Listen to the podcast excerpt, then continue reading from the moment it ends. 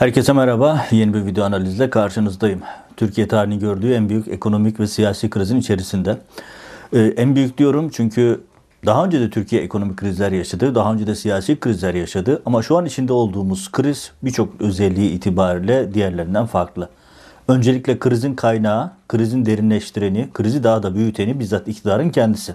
Hani krizler savaşlarla, dış güçlerle olan mücadelelerle, doğal afetlerle ve benzeri nedenlerle de çıkabilir. Dünyayı saran bir ekonomik dalga vardır. O sizi de etkiler, kaçamazsınız. Dünyayı saran bir doğal afet vardır, kuraklık vardır, e, seller vardır. Yani bir, bir şekilde gerçekten bir dış güç sizi krize sokabilir. Ama Türkiye'nin içinde olduğu durum böyle değil. Türkiye bizzat Erdoğan'ın, bizzat Erdoğan krizinin e, neden olduğu bir krizin içerisinde ve her geçen gün kriz derinleşiyor. Öyle ki birkaç gün içerisinde Türk parası %20 değer kaybetti. Şaka değil. Şu anda Arnavutluğun bile altına düştü Avrupa içerisinde asgari ücrette. Düşünün son sıradayız şimdi Avrupa'da. Dünya çapında da artık Türk lirası alay noktasına geldi. Amerikan medyasından tutun uzak doğuya kadar herkes Türk lirasının çakılmasını konuşuyor. Oysa ki yani bugüne dair yaşadığımız, bugüne dair yaşadığımız krizler sürpriz değil. Beklenmiyor hiç değil. Çünkü adeta bağıra bağıra gelen bir süreçti bu. Son birkaç gündür video yapmadım. Nedeni de şu. Hani gerçekten ne söyleyeceğim sorusunda, konusunda kendi kafamda çok net bir şey bulamadım. Niye? Çünkü zaten yıllardır söylüyorum. Tekrara girmiş olacaktım. Yani söyleyeceğim her şey aslında bir bakıma tekrar olacak. Çünkü yıllardır bunu anlatıyoruz. Yıllardır tek derdi kendi koltuğunu korumak olan, tek derdi kendi ailesi ve beşli çetesi, altılı çetesi, otuzlu çetesini zengin etmek olan bir suç örgütü tarafından yönetilen bir ülke burası. Yıllardır bunu anlatıyoruz. Yani bu girdiğiniz yolun sonunda bir çukur var, o çukura düşeceksiniz. Ve düşerken hep birlikte düşecek. Bu ülkenin tamamı düşecek, fakirleşecek, güvenlik sorunu başlayacak, ülkenin bütünlüğü riske girecek diye anlatıyoruz, anlatıyoruz, anlatıyoruz. Ve bu grup, bir grup izleyicimiz ya da işte e, iktidar yanlıları muhalif olduğumuz için bunları söylediğimizi düşünüyor. Evet muhalifiz, Erdoğan'a muhalif olduğumuz açık ama realiteyi söylüyoruz. Çünkü iktidar medyası ve iktidar bileşenleri bunları söylemiyor. Görseler de söylemiyor. Yolun sonunda bir çukur var oraya düşeceksiniz. Çukur çok derin, içinde timsahlar var ve düştüğünüz yerde ölürsünüz diye anlatıyoruz. Aylardır, yıllardır anlatıyoruz. TR724 arşivinde ve benim kişisel YouTube kanalımda tonla yayınım var, tonla yazım var. Erdoğan yıkıp kalacak. Erdoğan yıkarak gitmek gibi niyeti yok. Erdoğan ölünceye kadar öldükten sonra da kendi aile fertlerinin bu iktidarın başında hani o meşhur bir tane e, karikatür var ya sırtına yapışmış ve kanlarını emen bir e, yaratık şeklinde tanımlanan. Aynen öyle diye yıllardır anlatıyoruz. Anlattığımız her şey gerçekleşti. Müneccim miyiz? Değiliz. Hayır. Yani ekonomi bir bilim, siyaset bir bilim ve yaşanmış tecrübeler var. Nereye gittiğimiz çok açık. Ve şimdi geldiğimiz nokta çöküş. Hani var ya Diriliş Ertuğrul falan. Çöküş Erdoğan. Herhalde bugünlerin sinemasının filmini yapsak aslında böyle bir isimde film yapmakta da fayda var. Yani gün olur belki öyle bir film yaparız. Çöküş Erdoğan. Şu an yaşadığımız şey bu. Hani iktidar medyası hep bir ağızdan. Pelikan medyası, Pelikan çetesi, e, iktidar medyasının tamamı yine dış güçler diye bir türkü söylüyor. Günlerdir işte dış güçler Türkiye'yi batırmaya çalışıyor. Yok Libya'da şunu yaptık, yok drone yaptık, yok işte efendim e, Azerbaycan'da şunu yaptık, Irak'ta bunu yaptık vesaire falan gibi işte şunları şunları başardığımız için bizimle uğraşıyorlar. Böyle bir şey yok. Tabii ki hikaye. işte yalan söylüyorlar. Ülkeyi yıkıp yağmaladıkları için çöken ekonomiyi, çöken Türk lirasını size böyle kamufle etmeye çalışıyorlar. Kimsenin olduğu yok. Öyle olsa çok basit bir soru soralım. Yeni Şafak'ın şerefsiz bunlar diye affedersiniz attığı manşetlerin konusu neydi? Birleşik Arap Emirlikleri. İbrahim Karagül, Komando İbrahim'in tabiriyle Türkiye aleyhine olan her şeyin arkasında bunlar vardı değil mi? MBS dedikleri Veliaht Prens, Türkiye ile ilgili her kötülüğün arkasındaydı. Bugün Ankara'daydı. Mavi halı, turkuaz halıda karşılandı. Üst düzey ilgi gösterildi. Erdoğan uzun süre yanında ayakta bekledi. Çavuşoğlu neler demişti bunlara? Ağzı kulaklarında kakara kekiri görüntüler veriyordu. Ve sonra havuz medyasının tamamında manşetlerdeydi. Neden? 10 milyar dolarlık fon ayırdığı söyleniyor yatırım için. 10 milyar dolarlık yatırım. Hani şehitlerin arkasında, hani 15 Temmuz'un arkasında bunlar vardı? O zaman şehitlerin kanını sattınız mı? Hani Türkiye ile ilgili her türlü melaletin altında Birleşik Arap Emirlikleri Veliaht Prensi vardı?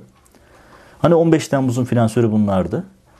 Para geldikten sonra kralını tanımayız demeye devam mı ediyorsunuz? Şimdi dış güçler, dış mihraklar dediğiniz.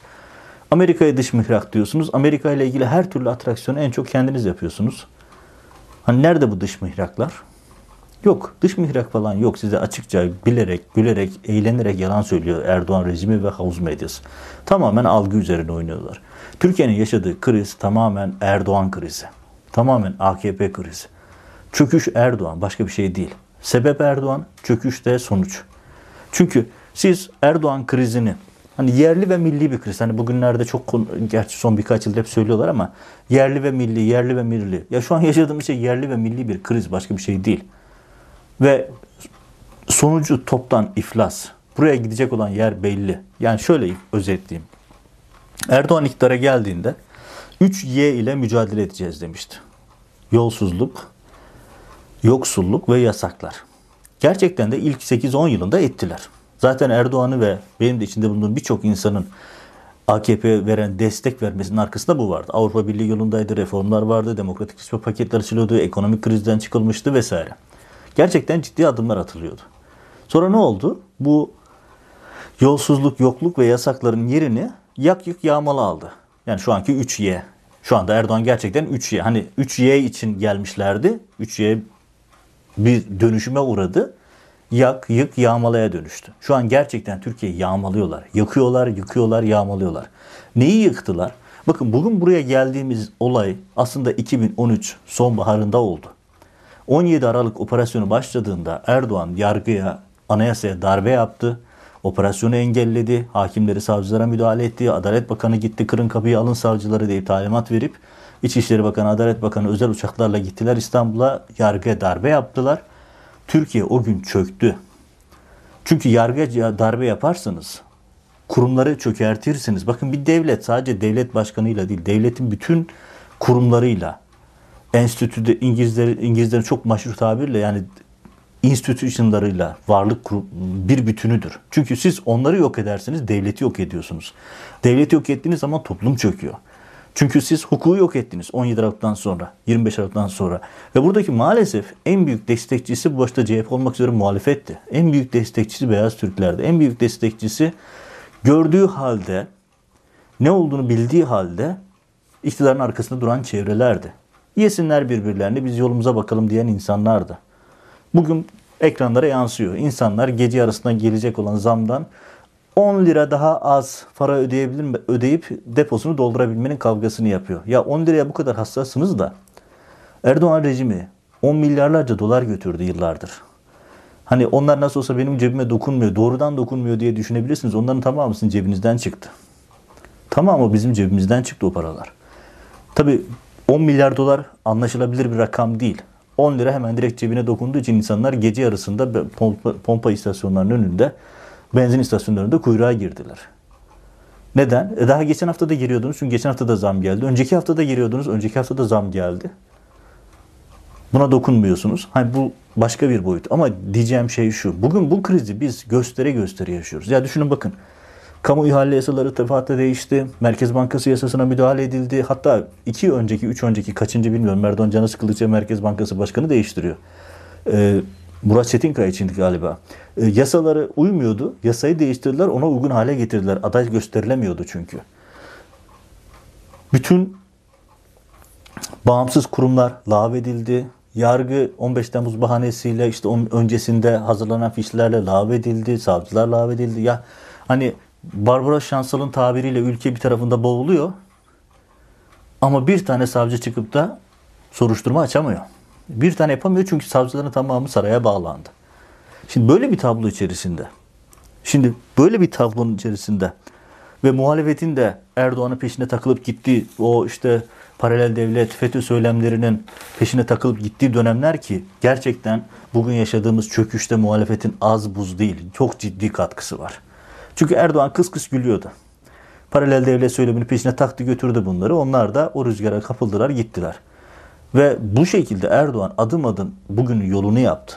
Tek adam rejimini inşa etti, hukuku katletti, anayasayı katletti, bütün bağımsız kurumları e, ihdiş etti. Ortada hiçbir şey kalmadı. Dolayısıyla bu çöküş kaçınılmazdı. Bugün buraya geldiğimiz, yani doların çökmesi, ekonominin çökmesi, e, yaşanan büyük iflas, bir anda ortaya çıkmadı. Göstere göstere geldi. E şimdi gelinen noktada yani bütün kavga, bütün kurumlar yıkılmış, bütün e, denetim mekanizmaları ortadan kaldırılmış. Her şey Erdoğan'ın keyfine bırakılmış. E sonra ekonomi neden çöktü? E çökmesi son derece normal. Böyle bir durumda ayakta kalması zaten sürpriz olurdu. Olmazdı da yani kalması da mümkün değildi ve daha da kötü olacak. Hani bugüne kadar hep anlattık. Bakın bu böyle bunun sonunda bu olacak. Para pula dönecek. Türkiye çok ciddi anlamda demokratik demokrasiden uzaklaşacak. Bunun sonu tek adam rejimidir. Bunun sonu büyük toplumsal patlamalardır diye anlatıyoruz. Dilimizde tüy bitti. Hani anlamak istemeyenler anlamadılar. Ayrı bir konu. Ama geldiğimiz yer yıllardır anlattığımız yer. Hani erken söylemek gibi bir hatamız olmuş olabilir ama bugünküleri zaten yıllardır anlatıyoruz. Buradan sonra ne olacağını da anlatacağım. Buradan sonra nereye gideceğimizi de söyleyeceğim. Ama önce şu krizin adını koymak lazım. Yaşanan bu kriz birkaç saat içerisinde benim şu videoya başladıktan bitişe kadar olan süredeki fakirleşme gibi süre içerisinde yaşanan krizler temel iradi bir kriz. Erdoğan krizi bu. Hani bilinmez bir nedenle yaşanmıyor bu kriz. Bu kriz bilerek Erdoğan'ın çıkardığı bir kriz, bilerek derinleştirdiği bir kriz. Kendi zengin oluyor, çetesi zengin oluyor. Ülkeyi haraç meraç söz verdiği fonlara satacaklar. O fonlardaki paraların özellikle Katar'da hani o 128 milyar dolar nereye gitti deniyordu ya çoğu Katar'da onların. Çünkü Katar'da fon adı altında ki bunu en iyi bilen isimlerden biri Ali Babacan'dır. Fon adı altında sermaye transferi nasıl yapıldığını bilir. İyi bir ekonomisttir, bilir bunları. Ve burada ya şebeklik yaptılar. Yani işte yani gaz bulunması, çıkması yani bu burada bir bilimden bahsediyoruz, bir realiteden bahsediyoruz ama arkadaşlar gaz bulduk, açın kombileri, para ödemeyeceksiniz diyecek kadar komiklikler yapıyordu. Ve bunlar belediyelerden fonlanıyor. AKP tarafından fonlanan e, algı operatörleri, gazeteci falan değil. Ve bunların sözüyle oluyordu. Sonra işte Katar bir yıl içerisinde 20 milyar dolar para yatıracak dediler. İşte büyük şovlar yapıldı. Katar Türkiye'ye yatırıma gelecek. Ya dağ taşa yatırım yapacak. Rakamlar ortada. Katar'dan gelen sermaye ortada. 20'de biri bile değil. Şimdi Birleşik Arap Emirlikleri'nden gelecek olduğu söylenen 10 milyar dolar ne kadar gelecek? O da ayrı bir soru işareti. Çünkü gelmediğini gördük. Daha önce bunun örneklerini gördük. Şimdi böyle bir tablo içerisinde Türkiye nereye gidiyor? Bakın nereye gideceğini çok hani özetle söyleyeyim. Zaten krizi yaşıyoruz. İliklerimize kadar yaşıyoruz. Her dakika fakirleşiyoruz. Türkiye yağmalanıyor. Erdoğan rejimi tarafından yağmalanıyor. Bizzat er, rejimin kendisi. Türkiye'nin bütün sermayesi yağmalandı. İnsan sermayesi yağmalandı. Beşeri sermayesi yağmalandı. Mali gücü, şirketleri, bilgi birikimi her şey yağmalanıyor ve bizzat rejim tarafından yapılıyor. Bu bir Erdoğan krizidir. Başka bir şey değil. Hani dış güçler falan. Yani dış güçler dediniz Birleşik Arap Emirlikleri'nin önüne halı serdiniz. Niye? Çünkü 3 kuruş para verecek diye. Amerika diyorsunuz Amerika ile olan ilişkiler bambaşka. Avrupa diyorsunuz Avrupa ile ilişkiler bambaşka. Hayali bir yer. İsrail deseniz İsrail en çok ticareti yapan Erdoğan ailesi. Kendi ailesi.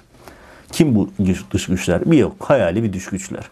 Eskiden havada karada her şeyi FETÖ paralel devlet diyorlardı. E şimdi onlar kundaktaki bebeği bile tutukladıkları için artık böyle bir şey deseniz de kimse inanmayacak. Zaten öbürüne de inandıkları çok tartışmalıydı ama gelinen noktada artık hani hayali bir şeyler söylüyorsunuz. Dolayısıyla burada bakılması gereken şey hani muhalefet ve sivil toplum açısından sadece dolara değil insan hakları karnesine bakacaksınız. Hukukun üstünlüğü endeksine bakacaksınız. Organize suç endeksine bakacaksınız. Bunların hepsinde Türkiye yerlerde sürünüyor. Geçen videolarda anlattım. Organize suç endeksinde Türkiye dibe vurdu. Avrupa'da birinci, dünyada altıncı statüye sıraya girildi. Meksika'dan bile kötüyüz. Düşünün mafya savaşlarının savaş gibi olduğu ülkelerden bahsediyoruz. Türkiye buraların bile altında. E şimdi bugün yani Perşembe günü itibariyle Amerika'da e, Aralık ayında yapılacak olan Dünya Demokrasi Zirvesi'ne çağrılan ülkeler resmen açıklandı. Türkiye yok. Türkiye'yi nasıl çağırsınlar ki? Hakimlerin, savcıların durumu ortada, adaletin durumu ortada, saraya bağlı yargıçların olduğu bir ülkeden bahsediyoruz. Basın özgürlüğü yok. Her şey sarayın iki dudağı arasında. Nasıl bahsedebiliriz ki? Doğal olarak da zaten Türkiye bu toplantıya davet edilmedi. Ha, Türkiye'den daha kötü ülkeler de mi var? Var. Türkiye'den daha kötü ülkeler davet edildi ama orada en azından umut var. Şimdi Türkiye'de umut da kalmadı. Çünkü ayakta kalan kurum yok. Medya yok. Yargı yok. Bürokrasi yok. istihbarat yok. Güvenlik bürokrasisi yok. Tamamı sarayın elinde oyuncak haline gelmiş durumda. Dolayısıyla bu kriz daha da derinleşecek. Doları bugün bir takım makyajlarla dizginlediler. Sorun çözülecek mi? Hayır çözülmeyecek. Çünkü bunlar bir bütün. Bir bütün olarak çöküyor Türkiye. Bütün kurumlarıyla çöküyor. Dolayısıyla şöyle ifade edeyim. hukuk yere, yerle bir edildiği sürece Türkiye çökmeye devam edecek. Bakın önceki gün Avrupa İnsan Hakları Mahkemesi'nden bir karar geldi. Eksik yönleri olmakla birlikte çok hayati, çok önemli bir karar. 427 hakimle ilgili karar. Bu bir başlangıç. Bu kararın arkası gelecek. Yüzlercesi gelecek. Binlerce, yüz binlerce insan için aynen benzer kararlar çıkacak. Eksikleri var, eleştirilebilecek yönleri var bu kararın ama çok önemli. Üç tane temel şey söylüyor. Bir, Erdoğan rejiminin yaptığı her türlü hukuki adım hukuksuzdur. Ortada hukuki bir durum yok. İki, tutuklananları derhal tahliye edin. Üç, ihraç ettiklerinizde geri alın. Çünkü hukuksuz işlem yapıyorsunuz. Hakimler kararının üç tane temel noktası var. Ve orada tazminatlar gelecek. Yarın bir gün bu tazminatların daha büyükleri gelecek. Ahim bir tazminat kurumu değil. Ahim hukuksuzluğu e, tespit eden bir kurum. Tazminatları başka mahkemelerden alacak insanlar. Ve bu rakamlar giderek büyüyecek. Neden? Çünkü tablo ortada. Türkiye'nin hukuki durumu ortada. Ekonomik durum ortada. Siyasi tablosu ortada. Şimdi buraya kadar olanları zaten hepimiz her gün yaşıyoruz. İşte insanlar sokağa inmeye başladı. Muhalefet seçim çağrısı yapıyor. Erdoğan ve e, müttefi Ergenekon ekibi ve aynı zamanda MHP ekibi, işte Perinçek ekibi vesaire bunlar erken seçim yok falan diyorlar. Ha bu ara şu detayı da hatırlatayım. Erdoğan böyle diyor ama siz Erdoğan'ın böyle dediğine bakmayın. Erdoğan kendi teşkilatlarına 2022 son şey ilkbaharı için özellikle iki tane farklı tarih konuşuluyor şu anda. Parti teşkilatlarına talimat verildi. Hatta harıl harıl bayraktır, afiştir, e, broşürdür işlenecek olan e, algı çalışmaları için materyal hazırlıyorlar. Şu an bu çalışmalar yapılıyor. Talimatları da verildi. Parti teşkilatları harları çalışıyor. Hatta kulislerde çok enteresan şeyler de anlatılıyor ama bana biraz e, şu an için ihtiyatlı yaklaşma gereği hissediyorum. İşte HDP ile ilgili kapatma davası şu aşamaya getirilecek. Oradan CHP'ye bir kanca atılacak. Çünkü biliyorsunuz durup dururken CHP kapatırsa ne olur diye bir tartışma ortaya attılar. Bu tartışmayı durup dururken attıklarını sanmıyorsunuz tabii ki. Orada bir fikir jimnastiği var. Bir şey yapılıyor. Hani saray ve istihbarat arasında bir paslaşma var. Acaba CHP'yi HDP PKK işbirliği falan deyip oradan da bir kanca atar mıyız? Bu tartışmayı büyütür müyüz diye bir takım şeyler. Yani bunlar fikir teatisinde bir, bir bakıma yol arayış içerisinde Erdoğan. Çünkü Erdoğan şunu biliyor. Normal girdiği bir seçimi kazanma şansı yok. Erdoğan'ın seçime anormal şartlarda girmesi gerekiyor. Anormal şartlar oluşmuyorsa Erdoğan oluşturacak. Bunu nasıl oluşturacak? Çatışmayla oluşturacak. Bunu nasıl oluşturacak? Savaşla oluşturacak. Bunu nasıl oluşturacak? Toplumsal olaylarla oluşturacak. Mesela bir parantez açayım. Türkiye'de istihbaratın en iyi olduğu yer, yani milli istihbaratın en iyi olduğu yer, MIT'in en iyi olduğu yer özellikle bir takım sol örgütlerdir. Provokasyon yapma konusunda çok başarılıdırlar. O yüzden Erdoğan'ın arayıp da bulamadığı şey sokaklar zaten. Oraya geleceğim ayrıca söyleyeceğim. Ama sonuçta Erdoğan'ın olağanüstü şartlarda istikrarsız şartlarda seçime gitmesi gerekiyor. Erdoğan'ın hedefi o. Ve bunu olabildiğince geciktirmesi gerekiyor. Ama bir taraftan da 2022 ilkbahar için seçim çalışmalarına yapıyorlar. Parti teşkilatları buna hazırlanıyor. O da ayrı bir realite. Peki ne yapmaya çalışıyor? Aynı zamanda işte Türkiye'yi Yeni bir model dedikleri aslında model falan yok. AKP rejimi ne yapacağını şaşırmış durumda. Ne yapacağı konusunda yani nasıl doları düşürecek, nasıl piyasayı düşürecek konusunda yapacağı bir şey de yok. Ama orada işte insanlara biz yeni bir model deniyoruz. Avrupa'nın, Amerika'nın işte Çin baskılanıyor. Çünkü Amerika'da en önemli gündem Çin. Çin baskılanıyor. Onların yerine biz Türkiye yeni üretim üssü olacak gibi bir takım hayali şeyler satıyorlar, senaryolar. Bu senaryolar kağıt üzerinde karşılığı olmayan senaryolar. Bunları satarak işte tabanı uyutmaya çalışıyorlar. Yeni bir model deniyoruz. Yani model falan denedikleri yok. Ülkeyi batırıyorlar. Türkiye'yi bütün olarak batırıyorlar. Ve yanıldıkları şey şu. Erdoğan yakıp yıkıp gidecek diyorlar. Hayır Erdoğan yakıp yıkıp gitmeyecek. Buna dair özel bir video da yaptım. Erdoğan yakıp yıkıp kalmayı planlıyor. Bence kalamayacak ama kalmayı planlıyor. Hedefi bu. Çünkü işte birkaç gündür akşamları insanlar sokağa çıkıyor. Polis niye bu kadar çok sert davranıyor? Çünkü polis toplumsal olayların büyümesinden, toplumsal olayların daha da yaygınlaşmasından korkuyor. Aynı zamanda Erdoğan'ın en büyük korkusu her zaman sokaktır.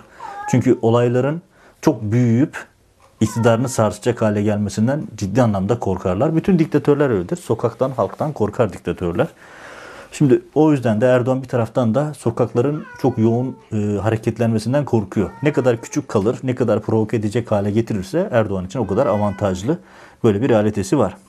Peki Buradan sonra ne olur? Muhalefet çözüm e, seçim için e, meydanlara işte en son e, Kemal Kılıçdaroğlu açıkladı. Mersin'de 4 Aralık'ta bir miting yapacağız.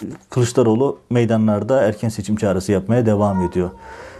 Dertlerine bir an önce seçime götürmek Türkiye'yi. Erdoğan seçime gitmemek için çabalıyor. Ee, böyle bir tabloyla karşı karşıyayız. Sokaklara insanların inmesi Erdoğan'a lehine mi gelir? Tabii bunu Erdoğan istismar edecektir. İşte ekonomik krizi unutturacaktır, gündemi değiştirecektir. Tekrar bir takım olayları e, hatırlatan e, söylemler gündeme gelecektir. E, Erdoğan'a karşı olan çevreler bile Erdoğan'ın arkasında toplanırlar böyle bir durumda. Çünkü kutuplaşma her zaman her zamanın her zaman Erdoğan'ın işine yarayan bir şeydir. Ama gaz çok biriktiği zaman o gazın önünde durmak da mümkün değil. Gezi olayları bunun örneğiydi. Gaz çok birikmişti ve patladı. Şimdi aynı şekilde gaz birikimi çok yüksek. İşte en son e, Metropol'ün anketlerinde vardı. AKP'lilerde bile çok ciddi bir ekonominin yönetilemediği düşüncesi var, algısı var. Dolayısıyla sokaklara çıkan insanlar Erdoğan'ın planladığı gibi de durmayabilir. Hani Erdoğan şunu planlıyor işte emniyet elimde, yar, e, asker elimde, ezer geçerim. Nasıl olsa hepsi benim elimde diye düşünüyor. Ama öfke çok büyüyor, gaz çok birikiyor. Bu patlamaya başka türlü de neden olabilir. O yüzden onu öngörmek mümkün değil. Ama net olan bir şey var. Türkiye daha kötü günler geliyor. Hani kötü günleri geçirdik, daha kötü günler kapıda. Şunu unutmayın. Hani hep hatırlattığım bir şey vardır. Ya Erdoğan bilinmez bir siyasetçi değil. Yıllardır vizyonda. Erdoğan'ın kafa yapısı mafya gibi çalışır. Yakar, yıkar, korkutur ve kendini hani büyük bir maharet gibi söylediği bir şey var ya ben geri adım atmam. O tipik bir mafya davranışı. Üzerine gitme, insanları korkutma. Hani yak, yık, yağmala. Bu mantıkta. Biat etmeyeni yağmalıyor. Biat etmeyeni tutuklayıp cezaevine koyuyor. O yüzden rejimle ancak öyle mücadele edilir. Bir mafyatik rejimle ancak onlarla mücadele edilmesi gerektiği gibi mücadele edilir. Bakın Erdoğan bağırıp çağırıyor ama sopayı gördüğünde Avrupa ile Amerika ile olan ilişkilerinde hemen geri adım atıyor. Bu can bu tende olduğu sürece kimse o rahibi alamaz diyor. Trump oradan telefon açıp hatta bir tweet atıp e, canına okurum dediğinde paşa paşa özel uçakla onu gönderiyor. İşte geçen haftalarda İsrailli casuslar dediler günlerce manşetlere çıkardılar sonra özel uçakla gönderdiler. Erdoğan zoru gördüğü zaman o e, çok meşhur e, kabadayı hali kaybolup gidiyor. Dolayısıyla sokaklara dair hani insanlar sokağa çıkarsa Erdoğan'a yarar, İrdan istismar eder. Evet yani bu bir ihtimal ama ben sokakların bu sefer e, diğerlerinden farklı olabileceğini düşünüyorum. Çünkü gerçekten gaz birikimi çok yüksek, öfke çok fazla. Dolayısıyla planla Erdoğan'ın planları sahaya uymayabilir. O da önümüzdeki günlerde göreceğiz. Ama net olan bir şey var. Türkiye büyük bir kriz yaşıyor ve bu kriz dış mihraklar, yabancı güçler, faili meçhul şeyler değil. Bizzat Erdoğan krizini yaşıyor. Şu an Türkiye Erdoğan krizinin göbeğine kadar yaşıyor. İçine düşmüş durumda ve daha da kötü olacak. Hani kötü günleri geçirdik, daha kötü günler kapıda ve iktidarda bir mafya düzeni var. Mafya düzeni de sıkıştığı zaman çok kötü şeyler yapar. Ona göre de insanların tedbirli olmasında fayda var. Çünkü bu rejim sıkıştıkça daha fazla agresifleşecek. Onu da unutmayın. Evet, gelişmeleri aktarıp yorumlamaya devam edeceğiz. Ama önümüzdeki günler hiç parlak değil. Onu da ifade etmiş olarak bitirmiş olalım. Yayında kalır, yorumlar yazar, paylaşırsanız seviniriz. Daha çok insana ulaşma imkanı doğar. Önümüzdeki yayınlarda görüşmek üzere.